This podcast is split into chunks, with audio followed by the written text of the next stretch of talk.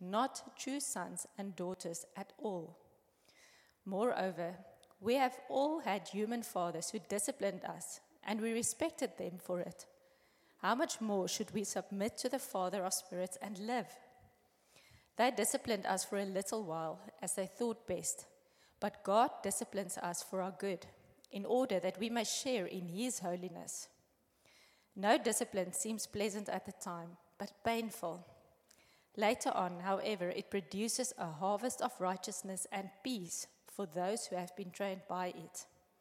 Therefore, strengthen your feeble arms and weak knees. Make level paths for your feet, so that the lame may not be disabled, but rather healed. Make every effort to live in peace with everyone and to be holy. Without holiness, no one will see the Lord. See to it that no one falls short of the grace of God, and that no bitter root grows up to cause trouble and defile many. See that no one is sexually immoral or is godless like Esau who for a single meal sold his inheritance rights as the oldest son. Afterward, as you know, when he wanted to inherit this blessing, he was rejected. Even though he sought the blessing with tears, he could not change what he had done. You have not come to a mountain that can be touched and that is burning with fire, to darkness, gloom, and storm, to a trumpet blast, or to such a voice speaking words that those who heard it begged that no further word be spoken to them, because they could not bear what was commanded. If even an animal touches the mountain, it must be stoned to death. The sight was so terrifying, terrifying that Moses said, I am trembling with fear. But you have come to Mount Zion, the city of the living God, the heavenly Jerusalem. You have come to thousands upon thousands of angels in joyful assembly to the church of the firstborn, whose names are written in heaven. You have come to God, the judge of all, to the spirits of the righteous made perfect, to Jesus, the mediator of a new covenant, and to the sprinkled blood that speaks a better word than the blood of Abel. See to it that you do not refuse him who speaks. If they did not escape when they refused him who warned them on earth, how much less will we if we turn away from him who warns us from heaven? At that time, his voice shook the earth. But now he has promised, Once more I will shake not only the earth, but also the heavens. The words once more indicate the removing of what can be shaken, that is, created things, so that what cannot be shaken may remain. Therefore, since we are receiving a kingdom that cannot be shaken, let us be thankful and so worship God acceptably with reverence and awe, for our God is a consuming fire. This is the word of God. How encouraging was that testimony from Sihle? She is living out the faithful following that we'll be talking about now. Um, so, we have spoken about who it is we're following. We've spoken about the glorious Son of God, the suffering Messiah in the context of suffering. And we've spoken about what following actually is it's a wholehearted trust in Jesus as your security, a one off and a day to day trust in this baseline security of Jesus. So, how are we going to keep growing faithfully, though? Because when you've been at something like this, when you've been with God's people and hearing His word and singing His praise and getting this little taste of heaven, you think to yourself, how could I ever forget? How could I ever get distracted from this? He is my hope. He is my all in all. I'm going to pray more. I'm going to scroll less. I'm going to serve more and complain less. I'm going to live in the joy of my salvation. And yet, two weeks from now, we'll find ourselves tempted to skip out on church because it's, it's been a heavy week. And you'll choose Facebook or Instagram over a quiet time. And you'll see an email asking for help and you're busy. And before you know it, we get bogged down again. And we know it happens. We wish it didn't, but it does. It is the nature of living in this world because we are influenced by our culture. To pretend we aren't would be the same as pretending we can live in this world and not breathe oxygen. We are going to be affected by what is around us.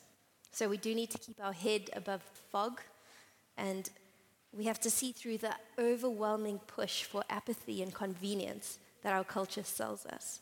We have to keep our eyes on Jesus, and that's what we're looking at now. So, this session, we are in the book of Hebrews. Now, we had our first two sessions in Matthew, full of Old Testament pictures, right? Matthew's all, all on a mission to tell you, you know Jesus? Yeah, the Messiah. Or hey, did I mention Jesus was the Messiah? Looky, look here at this little Old Testament prophecy. Guess what? Jesus is the Messiah, right? He's showing you how Jesus is the fulfillment of all these things. And Hebrews is fairly similar. We're not sure who the author is, but the whole push of the book is to show you how Jesus is better than the old covenant, how he is um, so much more than that. So potentially it was written to church leaders, and there was a push around them to kind of go back to Jewish practices, to add that in. And Hebrews is all about how Jesus is better than anything you'd want to pull out of the Old Testament, how he is the fulfillment of that. So Hebrews is telling you that there is no point in trusting in things of the past because Jesus is superior. He achieves the ultimate. He is the final version of all these things. So, it, through the different chapters of Hebrews, and particularly the first 10 chapters, the author shows you how he fulfills different Old Testament things. So, he says Jesus is God's word. Then he says Jesus is the hope for the new creation. Then he is the eternal priest, and he is the perfect sacrifice. And he can be all those things, as we looked last night. He is much enough to be all those things. And then chapter 11 gives you pictures of people who have trusted God to the end. So he goes, God's had the salvation plan. And guess what? There are those who have trusted him faithfully to the end. Let me tell you about some of them. So if you look in Hebrews chapter 11, he mentions all these people who faithfully followed Jesus till the end. And then his push, Hebrews 12, where we're reading now, therefore, since you are surrounded by such a great cloud of witnesses, you keep going. They have run faithfully. Now it's your turn. How are we going to keep doing that? Hopefully, this will be a bit more practical. The first two verses give us what we need to think on. Therefore, since we are surrounded by such a great cloud of witnesses, let us throw off everything that hinders and the sin that so easily entangles, and let us run with perseverance the race marked out for us, fixing our eyes on Jesus, the pioneer and perfecter of our faith. For the joy set before him, he endured the cross, scorning its shame, and sat down at the right hand of the throne of God. Um, let me pause there, actually. Those two things. He says, These guys have run, now it's your turn. Think of a relay race. They know what it takes, they've run it, they've passed the baton over to you. It's your turn to follow faithfully to the end.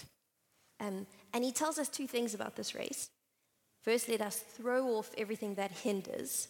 And secondly, along that vein, the sin that so easily entangles. Those two aren't exactly the same, they add to each other. But the first thing there, you throw off that which hinders, is the idea of before a race, you drop any excess weight. It's the idea that you run in what is appropriate. You get rid of anything that would slow you down for the race. So if you've been training for the comrades, you don't get there in the morning with high heels or gumboots and a ball gown. It is not appropriate. It will weigh you down, it will hinder you. Get rid of that which will hinder you. Do you see how it's a bit like the rich young man? What was his wealth doing? Hindering him. Get rid of that which hinders you. The second thing he says is um, we need to get rid of the sin that so easily entangles. Um, there's so many different translations. If you have a different translation and you've been following along, you'll see there's so many nuances to this passage. So the ESV says this lay aside every weight and the sin which clings so closely. It's a fair description. Sin entangles, it clings. Um, I always get the mental image of an octopus wrapping its legs around. I was trying to find like a little cutesy picture, and the octopuses are so cute. But have you seen a real octopus? Can you picture those little sucker things on you, entangling you? They creeped me out. I couldn't do it. I went cutesy. But the idea is you are being tangled in. And sin is slippery. It slips in when our guard is down, wrapping its legs around us. Sin slips into our lives, and before we know it, we're in the, in the heart of it. So it's just one episode of an explicit show, but then its tentacles wrap itself around our thoughts and our fantasies. It's just one conversation with a friend because you genuinely are concerned, but then its tentacles wrap itself around our emotions, and suddenly we are bitter and resentful towards the person we were talking about. It's just losing your temper this one time because you're so tired. But then its tentacles wrap yourself around your standards, and you find yourself moving the benchmark for an appropriate way to speak to your husband or your children. I'm not saying this to shame us, I'm just saying this to show how accurate the Bible is in how it speaks about sin entangling, clinging. You know, often what happens to us is it entangles us, it pulls us in, and then we're too ashamed to confess it. Because we should have seen it for what it is sooner, but we didn't, and it's our own fault. And now we better go sort ourselves out before we can come back to God. Let me just deal with it, and then I can be an encouragement to my community. This is how you know it's entangled you. If it pulls you away from God, or if it pulls you away from community, it has entangled you. God saved you for a relationship with Himself in the context of family, church family. If you're being pulled away from God, if you're being pulled away from Christians, you are entangled with sin and you need to throw it off because it's going to wrap its tentacles around you. So we are to throw off the weight, get rid of your ball gown, get rid of your fears, get rid of the pride that stops you, throw off the weight that hinders, get rid of the tentacles of sin that will keep trying to cling onto you. And what do we do? we fix our eyes on Jesus. Chapter 12, verse 2 fixing our eyes on Jesus, the pioneer and perfecter of our faith. Different translations might say, author of our faith. The idea there is that he not only started it, inaugurated the race, got to the end, he is the all in all. He is the pioneer and perfecter of faith, the journey of faith, the life of faith. For the joy set before him, he endured the cross, scorning its shame, and sat down at the right hand of God. That's where we're fixing our eyes. We're shaking off here and we're fixing our eyes on him because he has run this race all the way to the end and he got us there. There's this kid's game called Open Gates or Red Rover. The people stand in the middle and everyone else stands to one side. And the people in the middle go, everyone who's wearing, I don't know, tackies and then those who are run across. And as soon as the first one gets to the other end, they shout, Open gates. Everyone else can get across. Jesus did that for us. He endured the cross, securing salvation for us. Now we run, fixing our eyes on Him. So we're going to throw off and we're going to fix our eyes. And there's three things we're going to do to help us. First of all, we are going to, verse 3, consider Him. Verse 7, we are going to endure discipline. And verse 12, we are going to strengthen ourselves with holiness. So if we're shaking off and focusing on Him, what are the three tools we're using in that day to day practice? Well, the first one, verse 3, we are going to consider Him. Verse 3 Consider Him who endured such opposition from sinners, that you will not grow weary and lose heart. That word consider means it's used in calculations, it means take into account what Jesus did. So while, while you are doing your budget for how to live the Christian life, take into account the suffering Jesus endured. If it was a line item for Jesus in his budget, suffering, it's going to be there for us. Take it into account, consider it. It's an expected expense. Jesus endured it, and so will we. And it's because he has endured it we have this great picture and this great encouragement to keep going. Um, they use the language so that you will not grow weary and lose heart. It's the picture of those marathon runners, and there's like 10 meters before the final line, and they're falling down. They can't do it. They crawl, they collapse. He's saying, Don't be like that. So fix your eyes on Jesus. Consider him. Make a calculated decision. If it was suffering for him, If he endured such opposition from sinners, how much more will we follow? So take that into consideration. Consider, calculate what he has faced. The great joy of that means he understands.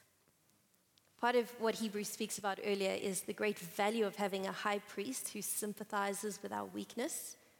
He gets it. And just in our experience, if you've ever chatted to someone going through something you've gone through, there is such a joy in having someone laugh with you about it. I found being a new mom so hard. I lived away from all my family, but to have moms at church who laughed along with me when I had no idea what I was doing was a great joy because they got it. When I said I was tired, they got it. It wasn't, you know, a, a sweet friend who doesn't have kids being like, yeah, I'm tired too. I watched an extra movie.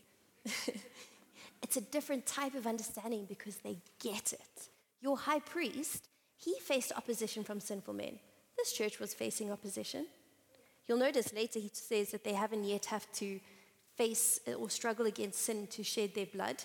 That was the opposition. Churches were being persecuted. He gets it. Meditate on him. We're going to consider him. You're going to clear space in your mind for him. Consider him. We're quite good at brooding on negative things. Can you think of a time your feelings were hurt and it just hovered there in your brain? You brooded. Can we apply that same brooding to Christ and his sufferings? Why is he so quick to slip in and out of our heads when we can meditate and brood on a sentence from a friend? Can we consider, can we take into account his suffering? Because he understands. So if we're throwing off the weight, getting ourselves out of the tentacles of sin, focusing on Christ, the first way we're going to keep looking at him is by considering what he endured. I mean, just in practice, we see that. As you heard Sihle's story, didn't you stop and you go, Sure, Lord, I faced nothing? How much more then when we hold ourselves up to Christ Himself, who stepped down from heaven, the King of the world being spat at, spat at by the people He made? How much more did He endure? Clear space in your head for His suffering. So that when we face opposition for being Christians, it was already in our budget. We had already prepared to face that we're going to consider. The second thing we're going to do is endure. Let's read from verse 4. In your struggle against sin, you have not yet resisted to the point of shedding your blood. And have you completely forgotten the word of encouragement that addresses you as a father addresses his son? It says, My son, do not make light of the Lord's discipline, and do not lose heart when he rebukes you, because the Lord disciplines the one he loves and he chastens everyone he accepts as a son. Verse 7 Endure hardship as discipline, for God is treating you as his children. I think we need a little rebrand of hardship, right? Some of you work in marketing. Why do you do a rebrand? You want people to think of something in a different way. So you get a different spokesmodel, or you change your color or your lettering. Let's rebrand hardship for ourselves. If you are a Christian, hardship is used for your discipline, for your discipleship. It's the same root word. God is discipling you, He is disciplining you. We are going to face hardship in this world, regardless of whether we are Christians or not, because this world is broken. If you have a swimming pool and you drop some food coloring in, and then you dive in, you will not be able to avoid the food coloring. If it's a little bit blue, or, or let's say we use green food coloring, if it's a little bit green, very dark green, very light, depending on where it's spread, there is food coloring in that pool. You are in a world that is broken. You will face suffering. But if you are a Christian, that suffering is being used to disciple you. And God is doing it because He loves you. Because only God can use what is hard and broken to bring out what is good in you. So when a hardship comes our way, particularly a hardship for being a Christian, where you feel you have a raw deal because you have picked this Christian life, you're actively facing opposition at work, where you can't face yet another family Christmas being the laughing stock because you want to sing Christmas carols that talk about Jesus. You are enduring hardship because God is discipling you in them. Let me read from verse 8. If you are not disciplined, and everyone undergoes discipline, you are not legitimate, not true sons and daughters at all. Moreover, we all had human fathers who disciplined us, and we respected them for it. How much more should we submit to the Father of our spirits and live? They discipled us for a little while, while they, as they thought best. But God disciplines us for our good in order that we may share in his holiness. We know that we try and direct and train up our children. Sometimes we get it right, sometimes we go back to them and apologize. If we, in our brokenness, want their best, if we, in our love for them, want to disciple them, how much more a Father who created you, who knows you inside out, and who is never tired or irritable or grumpy or disciplining you because you push one of his buttons. He loves you, he is discipling you. You're going to face hardship either way. Let it be doing something in you. So when that hardship comes your way, particularly hardship for being a Christian, we're going to rebrand it. Think of it for what it is God using hardship to train you. Verse 11 doesn't seem pleasant at the time, but painful. Later on, however, it produces a harvest of righteousness and peace for those who have been trained by it. Only God can bring good out of bad. Isn't that the great hope of this world? Out of all the brokenness, all our best intentions still gone wrong, God brings good for us and for His glory. So, recap shaking off that which hinders, the sin that so easily entangles, and instead calculating our lives on Jesus and His sacrifice, clearing space in our heads to, to meditate on Him we are going to think on Him and we are going to endure any hardship that comes our way as we walk towards Him. Those hardships are your dumbbells in the gym, they are your treadmill in the gym. That's where you're heading. So that when people see what happens, just like what happened this morning, we praise God. We go, I don't understand, but why do you see more beautiful now, Father? It produces a harvest of peace and righteousness. So, we're going to consider, we're going to endure, and thirdly, we're going to strengthen. Stay with me here. It goes a bit all over the place because these verses all connect so beautifully. And depending on the translation you have, the translation can vary quite a lot, showing you how many ideas are packed in here. Verse 12 Therefore, strengthen your feeble arms and weak knees. Make level paths for your feet so that the lame may not be disabled, but rather healed. So, verse 12 is a bit of a pep talk. Come on. It's Rassie Erasmus with a Springboks halfway through the Ireland game. Come on, boys. I know you're tired. Keep on. Take a firm grip. I know those knees are jelly. Keep going. Strengthen yourselves. Verse 13 is a quote from Proverbs chapter 4.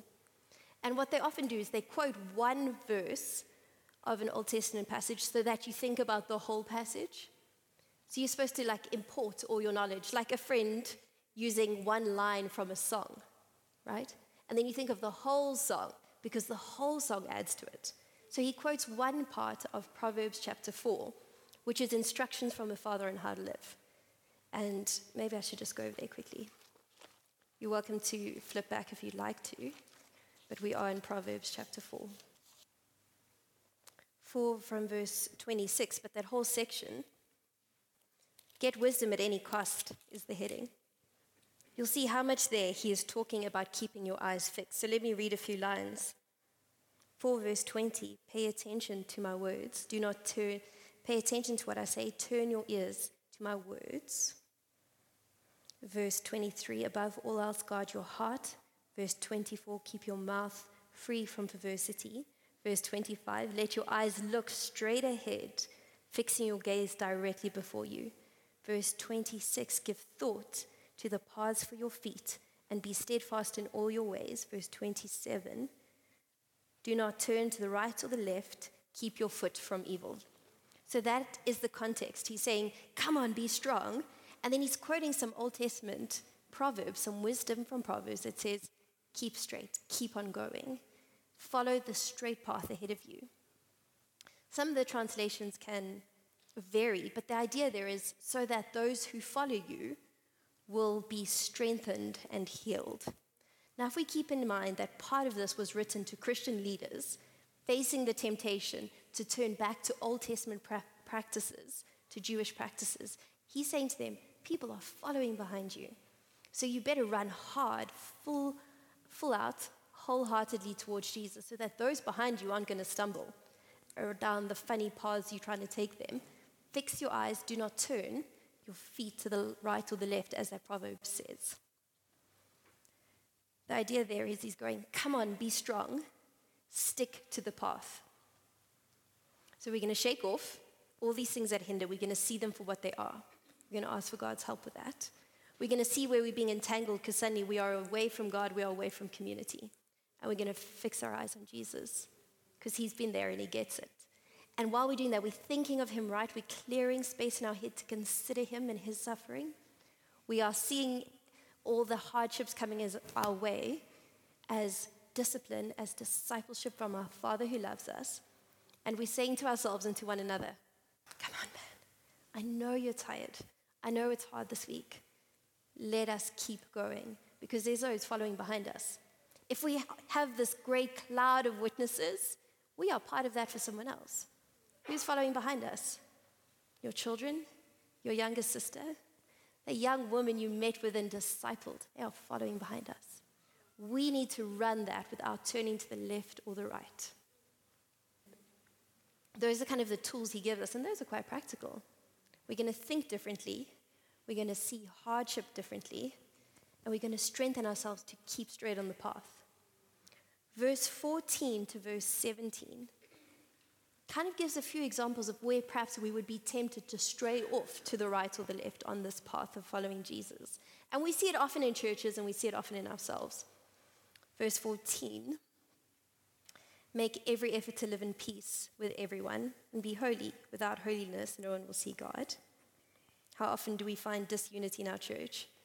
Over what are actually small things? How often do we find disunity amongst denominations, amongst Christian friend groups? He's saying that is something that's going to pull your feet to the right or the left, and you need to go straight. So make every effort. Apologize. Humble yourself. Say sorry. Make every effort because it's not worth having your feet turned off to the right or the left. You're going this way. Second thing we often see, verse 15 see to it that no one falls short of the grace of God. That's the first part. The, the other translation of that is falls back from the grace of God. They're living as a Christian, but then they get distracted. In this context, perhaps it would have been distracted by Old Testament pra- practices, perhaps by materialism, consumerism, getting their kids into the right school, and then, you know, but it's scouts on Friday night. Sorry, they can't come to youth. And uh, we just we want to do league soccer as well. Now, these are not bad things, but if they are crowding out Jesus and community, they are desperately dangerous things. So make sure that no one falls away from the faith. He's saying make sure no one stops trusting Jesus. As a church, which means we have to be preaching the gospel often to each other, to ourselves, because we, we don't want to fall back from that second half of verse 15, and that no bit gathered discussing a strange issue where someone's feelings have been hurt. Your feet are being pulled to the right or to the left, and you are heading this way. What are you doing? We are not doing that. We are heading this way. So make every effort to live in peace. Don't let someone fall away from the gospel because the other concerns of this world crowd it out. Don't let bitterness spring up, least of all in your own heart, that pull you away and verse 16 See to it that no one is sexually immoral or godless like Esau, who for a single meal sold his inheritance right as the eldest son. Afterwards, as you know, when he wanted to inherit the blessing, he was rejected. Even though he sought the blessing with tears, he could not change what he had done. Those are two examples of living life your way as opposed to God's way, considering your own appetite and your own desire first over obedience to God. That's what sexual immorality is, right? God, I see your way, but I'm going to choose mine. Esau and the birthright, I see your way and the value of your blessing, but I choose myself. And that will lead you to the right or the left, and you are not going that way. You are going this way. So look out for it. These are a few examples of things we see in church and in our own lives. Maybe you want to think for yourself which of those you see particularly um, relevant to your own heart. Maybe bitterness is really biting you at the moment. Maybe you are fighting against peace because it means you have to give up your pride. Maybe you are actively living in obedience to yourself on a particular issue. Those things will pull your feet to the right or to the left, and you are following Jesus this way, a straight path towards Him. Actually, that is important. Why don't you take a moment just for yourselves now? I'm going to take a sip of water. You can do the same. Find one that has really challenged you. Circle it. Think about it. So that no bitter root, no cares of this world crowd that out. And then we'll talk about that last section there. All right, let's just look at that last section of Hebrews 12. He's built up this whole argument. Jesus is far superior. So shake off that weight that hinders keep shaking off the tentacles of sin, focus on Jesus, calculate Him, clear space in your head for Him, see hardship for the discipline and discipleship it is. Keep going. Don't let your feet be pulled off to either side because you are following Jesus. And the concerns and the sin of this world should not pull you either way. Finally, if those, if those things are the, the carrot, have you heard of this? The carrot and the stick as a motivation. Sometimes we are given the, we're shown the reward. Do you see why this is good? Other times we're given the threat. Do you see what will happen if you don't? Hebrew gives us both. Do you see how good this is? Jesus has already won this for you. Follow him. But also, if you don't, look what happens. Verse 18. You have not come to a mountain that can be touched, that's burning with fire to darkness, gloom, and storm, to a trumpet blast, or to such a voice speaking words that those who heard it begged that no further word be spoken to them because they could not bear um, what was commanded. They're referring there to when the Ten Commandments were given to Israel. Moses up Mount Sinai, and because he is so holy, they can't come close. That's why the instruction in the next part, um, verse 20, even if an animal touches the mountain, must be stoned to death.